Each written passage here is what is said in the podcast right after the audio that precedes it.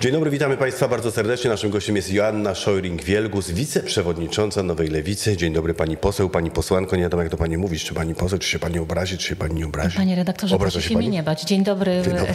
panie redaktorze, witam wszystkich słuchaczy Czyli Pani poseł. i widzów. Posłanka. Posłanką. Sondaże. Zacznijmy. Zmartwię Panią. Według Cebosu nie dostajecie się w ogóle do parlamentu. Macie tylko 4%, ale ucieszę też Panią, bo według estymatora dla, do rzeczy mm, macie 11% ponad i wchodzicie mocno. PiS wygrywa. To jeszcze bardziej pana ucieszę, bo jestem socjolożką z wykształcenia, więc jak się analizuje trendy, to lewica ma przez ostatni rok takie mocne 10% i zawsze trzeba patrzeć na trendy, a nie na jakieś poszczególne pojedyncze sondaże i tyle. Robimy robotę, robimy swoje. Jeździliśmy przez miesiąc z Bezpieczną Rodziną. W zasadzie ta Bezpieczna Rodzina, ten projekt cały czas jest kontynuowany. Robimy nasze konwencje. Wracam specjalnie do pana prosto ze Ślesina. Kurczę, dziękuję Pani. Naprawdę proszę to docenić. Jest sobota i Pani poseł specjalnie do mnie przyjechała. z Bardzo walizką, jeszcze, jeszcze w klapkach, tego może nie I to le, widać. lewaczka do prawaka przyjechała. No, panie co redaktorze, dzieją się i takie cuda. Się Dzieją się i takie cuda. Do rzeczy.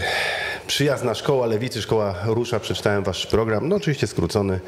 Zwróciłem uwagę na następujące rzeczy. Na to, co wy sami, e, co wy sami akcentujecie. Akcentujecie wolna szkoła. Pierwsze dwa punkty.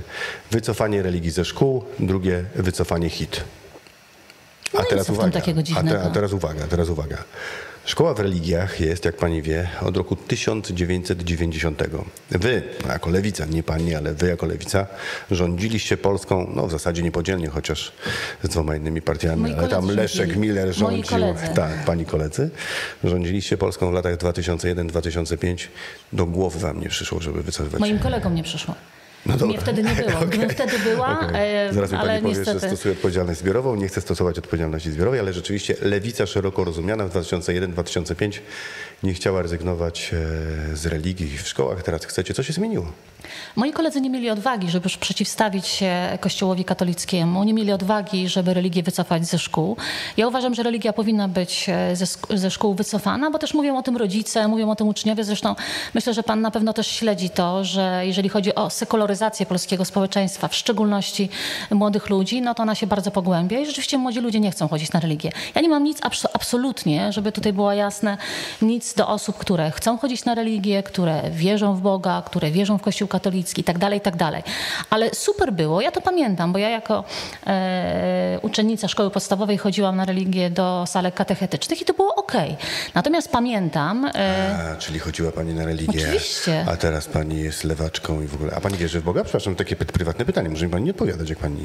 Nie, nie wierzę, ale myślę, wy, wydaje mi się, że pytanie o to, czy ktoś wierzy w coś, czy nie wierzy, kompletnie nie ma sensu. Uważam, że trzeba szanować każdą osobę, czy wierzy, czy nie ale, wierzy. Ale to jak ja panią pytam, e, to pytam z takiej osobistej ciekawości, i, ale to e, w żaden sposób nie wpływa na. E, Panie Jeżeli pani nie redaktorze, prostu- e, no, To mnie ciekawi bardzo. Jakby, nie, to znaczy wierzę, że coś jest, natomiast czy nazywamy to Bogiem, czy, czy czymkolwiek innym, to kompletnie nie ma znaczenia. Ale wrócę jednak Czyli, do czyli tego... raczej agnostycyzm raczej. Raczej. Nie, nie, to jest zbyt skomplikowane. Myślę, że może na jakąś inną e, dłuższą filozofię, e, filozoficzną, dłuższą rozmowę. Natomiast wróciłabym jednak do tego, do tej religii, bo ja pamiętam, e, jak byłam w liceum, to przez jeden rok miałam religioznawstwo ze świetnym nauczycielem, filozofem. I to była świetna przez rok prowadzona lekcja, która uczyła nas tego e, myślenia o religii w różnych kontekstach. Tak? Ten pan przygotowywał nas do wiedzy o najróżniejszych religiach. Filozoficznie rozmawialiśmy na temat, na temat duchowości. To było naprawdę bardzo fajne. I gdybym ja miała możliwość zdecydowania o tym, e, czy dzieci powinny na przykład uczyć się w szkole religi- religioznawstwa, to myślę, że to byłoby o wiele lepsze niż religia katolicka, która jest tutaj ma, e, która ma tutaj e, monopol na to, żeby być w polskich szkołach. Tyle. Okej. Znaczy, dlaczego na to zwróciłem uwagę? Zwróciłem na to uwagę, bo to jest wasz pierwszy punkt w tym Jeden programie. pierwszych. Nie, nie, pier... znaczy tutaj jest... Jest wolna szkoła, wycofanie religii ze pani szkół, okej. poseł, to pani wrzuciła tę, tę grafikę i o- dru, drugi punkt jest y, wycofanie hit, czyli historia Tak. i teraźniejszość, słynny, już słynny, już głośny y, podręcznik, chociaż niektórzy mówią, że nie podręcznik, że raczej może rodzaj eseju historycznego albo mm, tego typu pracy, ale ja pani powiem, ta książka jest najgłośniejszą książką, o której się dyskutuje i to jest jej wielka zaleta, bo mnóstwo ludzi ją przeczytało, a ja na przykład rozmawiałem z wieloma politykami na temat tej książki. Dużo y, polityków ją strasznie krytykuje, a oni jej nie czytali w ogóle. Tak, tak, tak ja, ja, się z panem zgadzam. Bardzo ja często czyta, tak ja, jest. czytałem. Bardzo często tak jest, że politycy często się wypowiadają na temat czegoś, na przykład spektakli, książek, no, podręczników, a okazuje się, że tego nie czytali. Ja akurat hitu nie czytałam, przeglądałam, wertowałam. Natomiast e, jeden z moich e, asystentów podrzucił mi jeden punkt, który jest w tym hicie, który mnie bardzo rozbawił, gdzie, gdzie autor opisuje, jakim wielkim zagrożeniem jest muzyka Rolling Stonesów i Beatlesów. Ja akurat jestem fanką Stonesów od e, dziewiątego roku życia, więc e, strasznie mnie to rozbawiło. Natomiast, natomiast już teraz zupełnie na serio... Tak, na serio, na serio można powiedzieć, że akurat po Rolling Stonesach widać, że przepraszam bardzo, też się wstydzę tego, co mówię, że może narkotyki tak za bardzo nie szkodzą. Nie? Bo o, tutaj pan się myli. Mick Jagger. Mick Jagger bardzo dba Mick o swoje zdrowie, e, uprawia ten, sporty od wielu, też, wielu tak. lat. Natomiast rzeczywiście Keith Richards e, wygląda jak wygląda, ale jest w pełni sił i świetny, jest świetnym muzykiem. E, pani poseł, Rzucam jeszcze e, okiem na tę mhm. przyjazną szkołę lewicy i widzę takie rzeczy, które ja pozwolę sobie przeczytać, jeżeli, jeżeli mhm. mamy, mamy trochę czasu. Zmniejszenie władzy kuratoriów, edukacja na lata, nie kadencje. Dobra. Edukacja ekologiczna i klimatyczna, edukacja cyfrowa, nauka i programowania, edukacja ekonomiczna i pracownicza, czytniki e-booków dla każdego ucznia, lekcje od 9 do 14, e, edukacja praktyczna, edukacja o zdrowiu i seksualności, ciepły posiłek dla każdego ucznia, to mi się podoba. To no to jest fajne, prawda? Bo są dzieci, Tylko, które na przykład są... nie mają nawet ciepłego tak, posiłku Tak, przyjazna szkoła, domu. przyjazna droga, szkoła wolna od przemocy. To jest takie trochę proszę się nie obrazić, ale co słonko widziało. Także wszystko jest fajne, podoba mi się, tylko się. jakby, że nie wiem, czy za tym pójdą jakieś konkrety, bo to powinno być rozbudowane. Co dalej? No, z tymi kuratoriami to ja się poniekąd zgadzam, bo mamy dwuwładzę w szkole, to znaczy mhm. rządzą samorządy nauczycielami, czyli kuratoria, czyli nie wiadomo kto rządzi. To jakiś wie, wieczny, permanentny konflikt i to jest kompletnie bez sensu, bo to jest dublowanie. Z tym się zgodzę, okej. Okay. Jeżeli chodzi o konkrety, Ale to konkrety ta są... Ta przyjazna szkoła to tak... Ja panu powiem, dlaczego przyjazna, bo e, myśl, pan też ma dzieci, prawda? Dwójkę. No właśnie, ja mam trójkę. I byłoby naprawdę to super. Pani jest lepsza. No widzi pan. I to lewaczka. To i lewaczka. I mąż stały od wielu, wielu lat, ten sam, niezmieniany. Ale wracając do szkoły, myślę, że każdy z nas by chciał, aby dziecko, które idzie do szkoły, szło do tej, do tej szkoły z taką chęcią. Wszystko byłoby też super, gdyby nauczyciel, który idzie do szkoły, też szedł do tej szkoły z chęcią, bo miałby na przykład dobre zarobki, czułby się e, w tej szkole ok. I wszystko byłoby super, gdyby rodzic miał taką świadomość, że to jego dziecko idzie do tej szkoły i spędza tam czas i uczy się w szkole. Dlatego mówimy przyjazna szkoła. Te postulaty, które my tutaj przedstawialiśmy, to są takie postulaty naszej wizji szkoły, ale jeżeli pan pyta o konkrety, to konkrety leżą w puli ustaw, które Lewica złożyła przez ostatnie trzy lata y, do marszałkini Sejmu, do pani Witek. My złożyliśmy jako klub Lewica, jesteśmy klubem co do wielkości trzecim, najwięcej ustaw i y, uchwał w tym Sejmie. Przeszło 100. Jesteśmy najbardziej pracowitym klubem i my mamy gotowe rozwiązania właśnie w tych ustawach. Ja teraz oczywiście panu nie przytoczę tych wszystkich ustaw, bo nie pamiętam ich, e, bo każdy z nas jest odpowiedzialny za swoją działkę, akurat za działkę edukacyjną. Anita Kucharska-Dziedzic, Agnieszka Dziemianowicz-Bąk czy Marcin Kulasek i oni się jakby tym zajmują, ale to wszystko jest w ustawach i w momencie, kiedy my byśmy mieli możliwość, żeby pewne rzeczy w szkole zmienić, no to wyciągamy z szuflady te nasze ustawy i mówimy naszemu koalicjantowi przyszłemu, bo e, jak opozycja będzie rządziła, to będzie musiała e, razem się dogadać, no bo nie ma żadnej partii, która miałaby większość taką, która by mogła rządzić i będziemy po prostu walczyć o nasze postulaty. To jest jedna rzecz, o której chciałam powiedzieć. Druga rzecz jest taka, pan na pewno to wie, że w szkole uczymy się, pan też na pewno się uczył o pantofelku, tak? Ja też się uczyłam o pantofelku, ale na przykład, czy by nie było super, gdyby nasze dzieci w szkole uczyły się rzeczy praktycznych, żeby wychodząc z szkoły wiedziały, jak na przykład wypełnić PITA, żeby wiedziały, co to jest faktura i jak należy fakturę wypełniać, żeby wiedziały, co to jest inflacja, żeby wiedziały, jak zabezpieczyć się przed niechcianą ciążą, tak? No, to są takie, mówię, wymieniam kilka rzeczy, które super by było, gdyby dzieciaki dowiedziały się w szkole.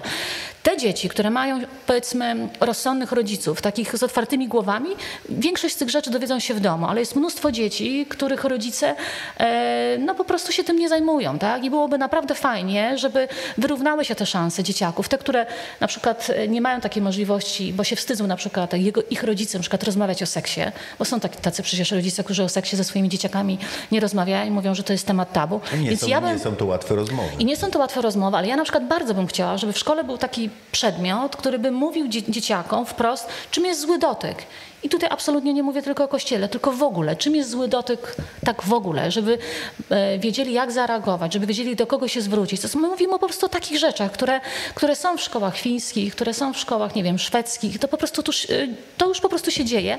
I my mówimy też o rzeczach, które nie kosztują. To są proste te, takie mechanizmy do wprowadzenia i uważam, że dałoby się to zrobić niezależnie od tego, e, w jakiej konfiguracji wygramy wybory. Wygramy wybory, wygramy wybory. Wczoraj poseł Joanna Szojring-Wielgus mówi. Posłanka. Posłanka, przepraszam, cytuję. Zgłaszam 15 zawiadomień do Państwowej Komisji do Spraw Pedofilii na 19 hierarchów Kościoła katolickiego.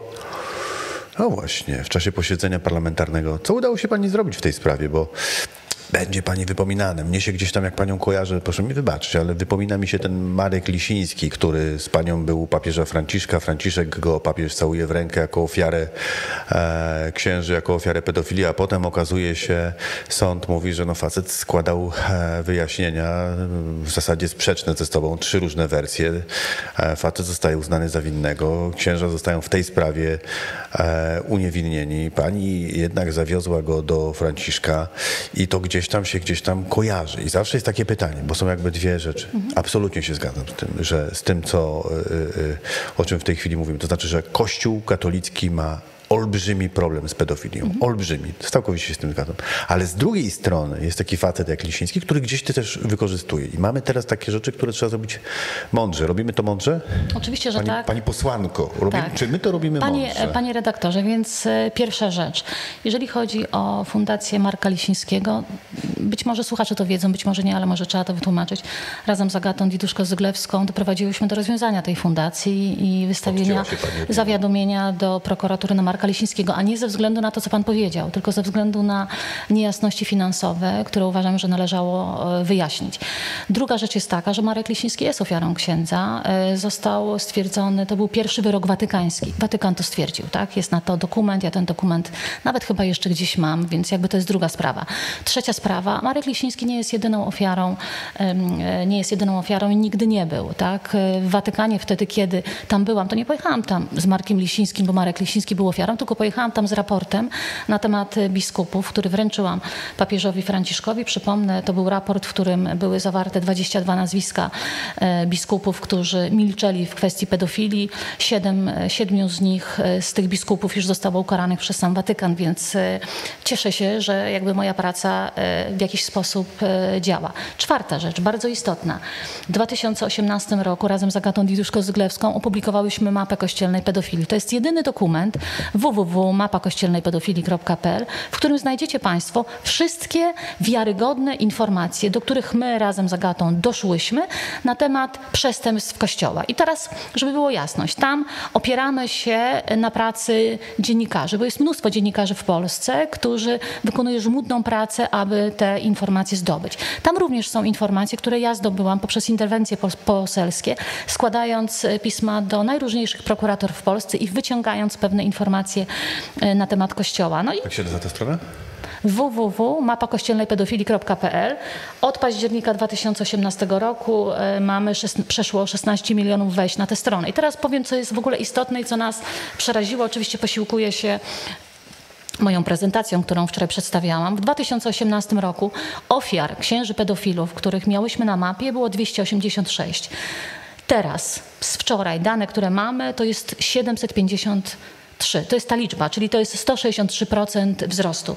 Jeżeli chodzi o wyroki To sądowe, wynika z tego, że ludzie zaczynają o tym mówić, że nie Tak, wstydzą się mówić, czy tak. wynika z tego, że księża z, są bardziej, przepraszam, ak- aktywni? Nie chciałem. Panie redaktorze, to jest też tak, że my przedstawiamy pewien wycinek pracy, tak? Pracujemy z Agatą nad tym od czterech lat i to jest bardzo żmudna i ciężka robota. Robią to też dziennikarze, którym tutaj też bardzo serdecznie za to y, dziękuję.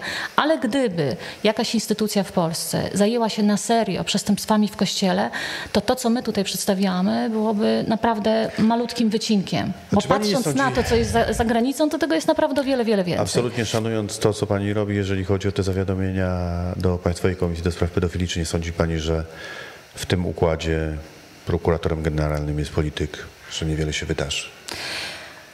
Akurat mnie, wie pan, e, ani nie przeraża, ani mnie e, nie zniechęca, dlatego że minister e, i zarówno prokurator generalny Zbigniew Ziobro kiedyś tego stanowiska pełnić nie będzie, to po pierwsze. Po drugie, ja chyba jestem jedyną osobą, jedyną polityczką, która współpracuje z, z Państwową Komisją do Spraw Pedofilii, za którą nie głosowałam, żeby było jasne.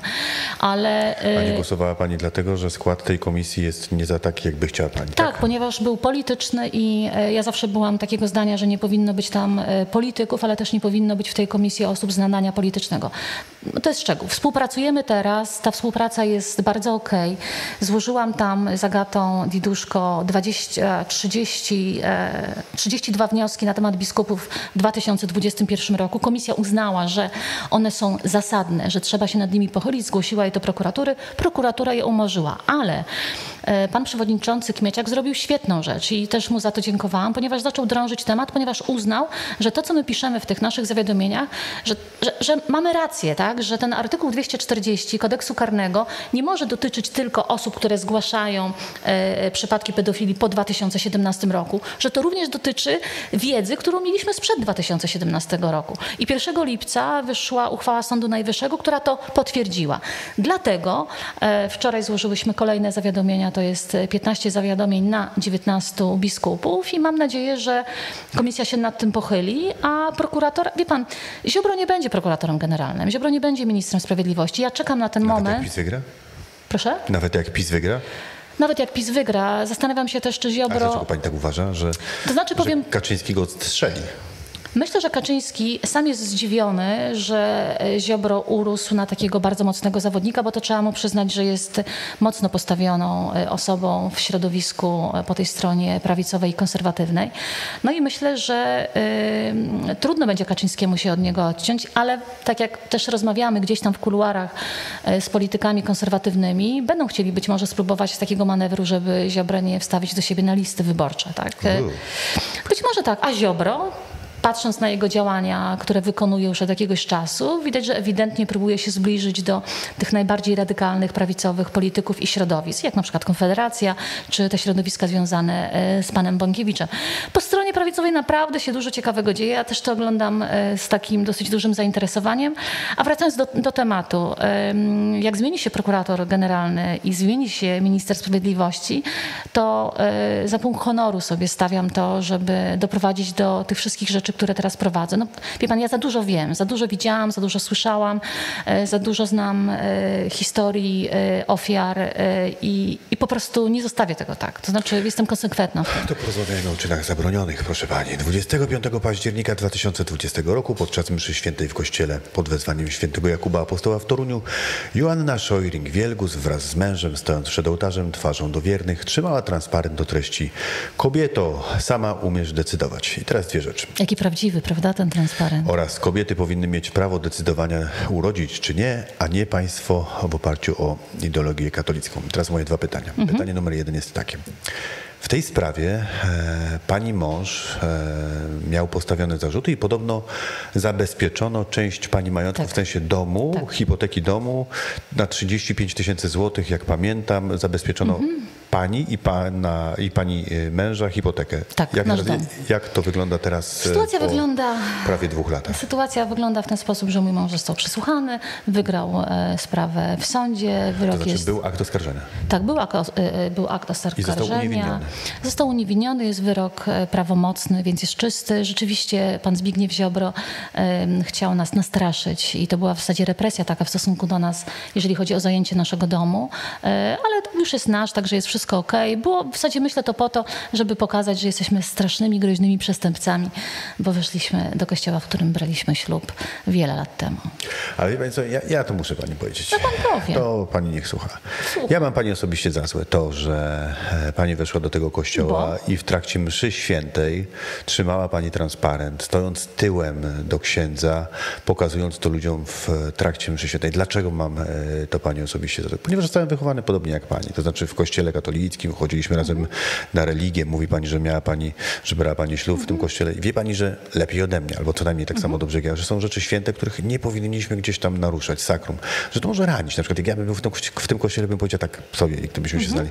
Aśka, kurczę, za daleko, nie rób tego. To jest, to jest ten jeden most za daleko. Bym wziął taką maśkę, przepraszam, to jestem taki gruby, bym wziął taką maśkę i wyniósł. Pani mąż mnie, by mnie bił wtedy po głowie i mówił, zostaw... Mój mąż jest bardzo spokojny człowiek. Tak? No ale no, w obronie żony na pewno by stanął, na pewno by stanął. Przegrałby Ja pan. bym, no trudno, trudno ale, ale walczyłbym. Ja bym trzymał panią, bym panią wynosił z tego kościoła, żeby w, nie naruszać sakrum. Dlaczego pani to zrobiła? Dlaczego pani takie, czy, bo wie pani co, jeszcze myślę sobie, że to jest też... Panu powiem. Ale no, mam nadzieję, tylko mam, myślę, sobie, że, Wiadomo. myślę, że to jest też kontrproduktywne z tego po, powodu, że tego typu akcje, jak na przykład te kobiety, które tam e, przeciwko e, zaostrzeniu prawa aborcyjnego protestują i krzyczą wypierdala, wypierdala, że to jest kontrproduktywne, bo ludzie właśnie nie chcą takiej formy. Ja, z mojego punktu widzenia, mogę być za panią, mogę myśleć sobie, że niepotrzebnie te, to prawo e, e, zaostrzano dotyczące, trzeba było tego nie ruszać. Ja tak uważam. Ale Aśka, o jeden krok za daleko. Ja panu powiem, że akurat y, na tej mszy byli nasi znajomi, którzy pokazali nam kciuki, że dobrze zrobiliśmy, to tak a propos. Powiem panu, jak to wyglądało. Weszliśmy do kościoła w kompletnej ciszy, staliśmy około 60 sekund, pokazaliśmy y, te transparenty, odwróciliśmy się w stronę księdza, ksiądz się do nas uśmiechnął i wyszliśmy. Tak wyglądała y, cała akcja. To jest pierwsza rzecz. Druga rzecz jest taka, że wie pan, może to pana, y, się, może się to panu nie podobać, ja to oczywiście przyjmuję do wiadomości i tak dalej, ale wie pan, Ale mnie nie- się... pani- pani- ale pan poczeka. pani posłanko, ale ale pan poczeka. rani trochę. Ale to ja pan powiem. A wie pan, co mnie rani? rani. A wie pan, co mnie rani?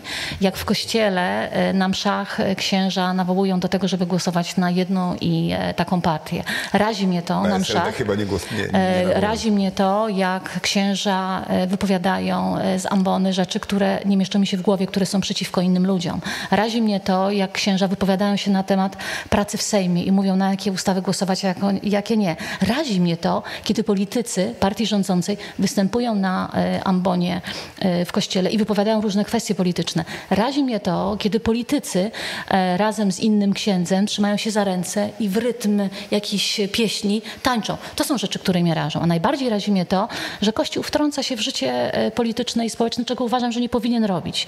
E, I to, że ktoś wchodzi do kościoła, ja jestem w tej wspólnocie cały czas, ja się nie wypisałam z kościoła, więc ja jako osoba, która jestem w tej wspólnocie, mam prawo wypowiadać się w imieniu tej wspólnoty w jakikolwiek sposób chcę. Wie pan, różne rzeczy się dzieją w kościele. W kościele stoją faszyści z, z flagami i ludzie, którzy e, jakby wypowiadają się na przykład przeciw Żydom. Nie chcę tutaj wymieniać nazwisk byłych już księży, którzy doprowadzają do takich sytuacji, więc to są rzeczy, które mnie ranią. A to, że ktoś, ktoś wszedł w ciszy, w transparencie, dlatego, ponieważ sprzeciwia się temu, żeby Kościół wchodził w jego intymne życie, bo ja jako kobieta uważam, że Kościół wchodzi w moje intymne życie, w intymne życie moich koleżanek, nie wiem, znajomych, ciotek, nie wiem, mamy, babci.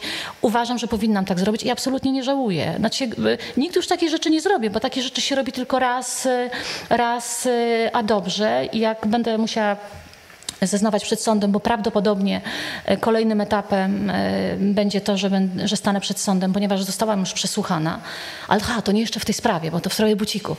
Na tą sprawę jeszcze czekam. E, Wiem, że w komisji regulaminowej czeka wniosek kogoś tam, żeby mi odebrać immunitet, im- immunitet w tej sprawie, więc bardzo się cieszę, bo znowu będę mogła powiedzieć to, co przed chwilą panu powiedziałam, tylko będę miała na to 15 minut w, w polskim parlamencie. No dobrze. A proszę mi powiedzieć, czy według Pani e, forma strajku kobiet i, tak, da- i tak dalej, i te wszystkie hasła odpowiednia, nieodpowiednia? Wie pan co, ja się nigdy nie wypowiadam na temat tego, kto w jaki sposób protestuje i jak strajkuje, dlatego że e, w sytuacjach e, mm, każdy powinien robić to jak chce. Ja też miałabym czasami ochotę powiedzieć to słowo, które pan powiedział do wielu polityków e, Prawa i Sprawiedliwości. Nie wypada mi tego mówić na antenie, też nie wykrzykuję takich słów, ale rozumiem to, że ktoś po prostu już ma dosyć. Szczególnie kobiety, które mają utrudniony dostęp do ginekologa, mają utrudniony dostęp do tabletek antykoncepcyjnych, mają ciężką sytuację, kiedy są e, na porodówkach i rodzą swoje dzieci. Znaczy, mówię o takich trzech podstawowych kwestiach. Ja na przykład jako matka, która ur- urodziła trójkę dzieci, uważam, że względnie byłam uprzywilejowana. Też nie miałam nigdy problemów z tym, aby dziecko urodzić. Są też rodziny, które walczą o to, aby te swoje dzieci mieć. A w podręczniku, który pan przed chwilą przytaczał w hicie o in vitro mówi się w sposób, uważam, e, ma w- słowa in vitro. Pani w, do, w domyśle, w domyśle. Pani posłanko, W domyśle, ja wiem, w domyśle, nie wymienia się in vitro, ale w domyśle jest to tak odbierane i ludzie tak to odbierają, szczególnie rodziny, które starają się o Inaczej dzieci. To sobie zinterpretowałem, ale to ja sobie Więc inaczej... e, jakby podsumowując, e, rozumiem, że ktoś może. Gdybym była aktywistką, to bym krzyczała dokładnie tak samo, bo mam naprawdę serdecznie tego dosyć, co się robi e, z życiem kobiet w Polsce. I tak jak mówię, ja jako kobieta uprzywilejowana, bo rzeczywiście i nie miałam problemów z zajściem w ciążę, nie miałam problemów wielkich w szpitalach, ale też swoje przeszłam i wiem, jak to wygląda. Uważam, że te kobiety, które teraz mają z tym trudność, mają prawo po prostu krzyczeć. Właśnie w taki sposób na W. Bardzo Pani dziękuję za dzisiejszą wizytę. Dziękuję Pani Joanna. Szojling-Wielgus, posłanka, nie poseł, tylko posłanka była naszym gościem. Ale pan Bardzo- się nie śmieje z tego. Feminatywy są e, bardzo ważne. Powiem panu dlaczego. Dlaczego? Dlatego, że... A Dlatego, wie Pani, że na przykład dużo kobiet nie chce mówić, że jest profesorką? Tylko, że bo mówisz, że im uwłacza, że ty Wie pan co, to tylko przyzwyczajenie. W latach Tak e, po międzywojniu e, feminatywy były czymś kompletnie normalnym, zupełnie normalnym. I jak pan sobie zobaczy na przykład e, w książki, tak, jakby to, to w jaki sposób mówiło się o zawodach e, kobiecych, to te feminatywy były. dobrze. I później zostały wycofane. Więc żeby się do tego przyzwyczaić, trzeba po prostu o tym mówić. Ja na przykład miałam dosyć dużo, e, dużo e, czasu musiałam poświęcić, żeby przyzwyczaić się do tego, żeby powiedzieć, że jestem socjolożką. A teraz w ogóle nie mam z tym problemów. Polityczka, socjolożka, matka, feministka. Polityczka, socjolożka, matka, Matka, feministka, wielbicielka Rolling Stonesów. Joanna Szojring-Wielgus, wielbicielka. Bardzo Pani dziękuję. Dziękuję pani, bardzo. Pani posłanko.